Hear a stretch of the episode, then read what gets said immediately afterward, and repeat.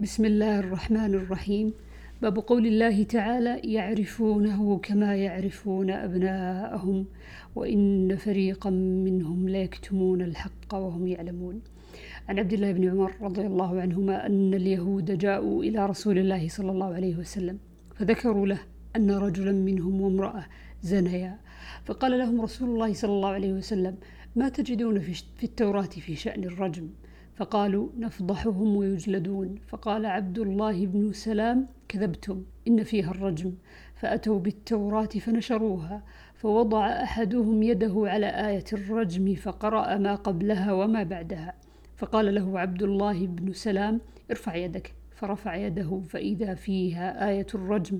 فقالوا صدق يا محمد فيها آية الرجم.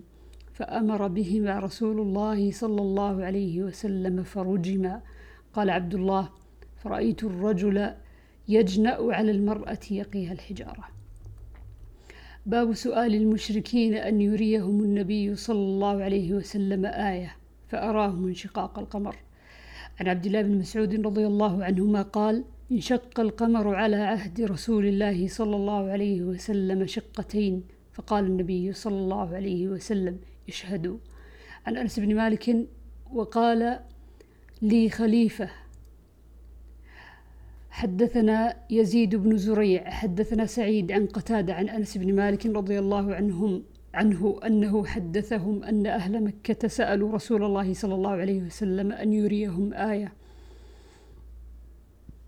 فأراهم انشقاق القمر. عن ابن عباس رضي الله عنهما أن القمر انشق في زمان النبي صلى الله عليه وسلم. باب عن أنس رضي الله عنه أن رجلين من أصحاب النبي صلى الله عليه وسلم خرجا من عند النبي صلى الله عليه وسلم في ليلة مظلمة ومعهما مثل المصباحين يضيئان بين أيديهما فلما افترقا صار مع كل واحد منهما واحد حتى أتى أهله. عن المغيرة بن شعبة عن النبي صلى الله عليه وسلم قال: لا يزال ناس من أمتي ظاهرين حتى يأتيهم أمر الله وهم ظاهرون. وعن عمير بن هانئ أنه سمع معاوية يقول: سمعت النبي صلى الله عليه وسلم يقول: لا يزال من أمتي أمة قائمة بأمر الله لا يضرهم من خذلهم ولا من خالفهم حتى يأتيهم أمر الله وهم على ذلك. قال عمير قال مالك بن يخامر قال معاذ وهم بالشأم فقال معاوية هذا مالك يزعم أنه سمع معاذا يقول وهم بالشام.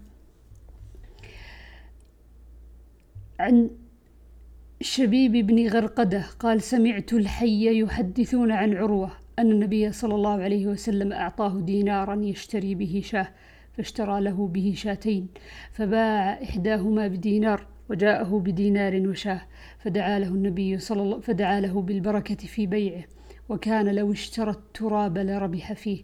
قال سفيان كان الحسن بن عمارة جاءنا بهذا الحديث عنه. قال سمعه شبيب من عروة فأتيته فقال شبيب إني لم أسمعه من عروة. قال سمعت الحي يخبرونه عنه ولكن سمعته يقول سمعت النبي صلى الله عليه وسلم يقول الخير معقود بنواصي الخيل إلى يوم القيامة. قال وقد رأيت في داره سبعين فرسا. قال, قال سفيان يشتري له شاة كأنها أضحية. عن ابن عمر رضي الله عنهما أن رسول الله صلى الله عليه وسلم قال الخيل في نواصيها الخير إلى يوم القيامة. وعن أنس عن النبي صلى الله عليه وسلم قال الخيل معقود في نواصيها الخير.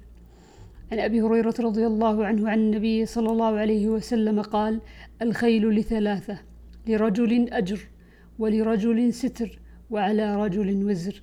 فأما الذي له أجر فرجل ربطها في سبيل الله فأطال لها في مرج أو روضة وما أصابت في, طيله في طيلها من المرج أو الروضة كانت له حسنات.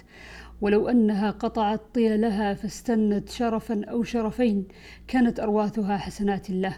ولو أنها مرت بنهر فشربت ولم يرد أن يسقيها كان ذلك له حسنات. ورجل ربطها تغنيا وسترا وتعففا لم ينس حق الله في رقابها وظهورها فهي له كذلك ستر. ورجل ربطها فخرا ورياء ونواء لأهل الإسلام فهي وزر.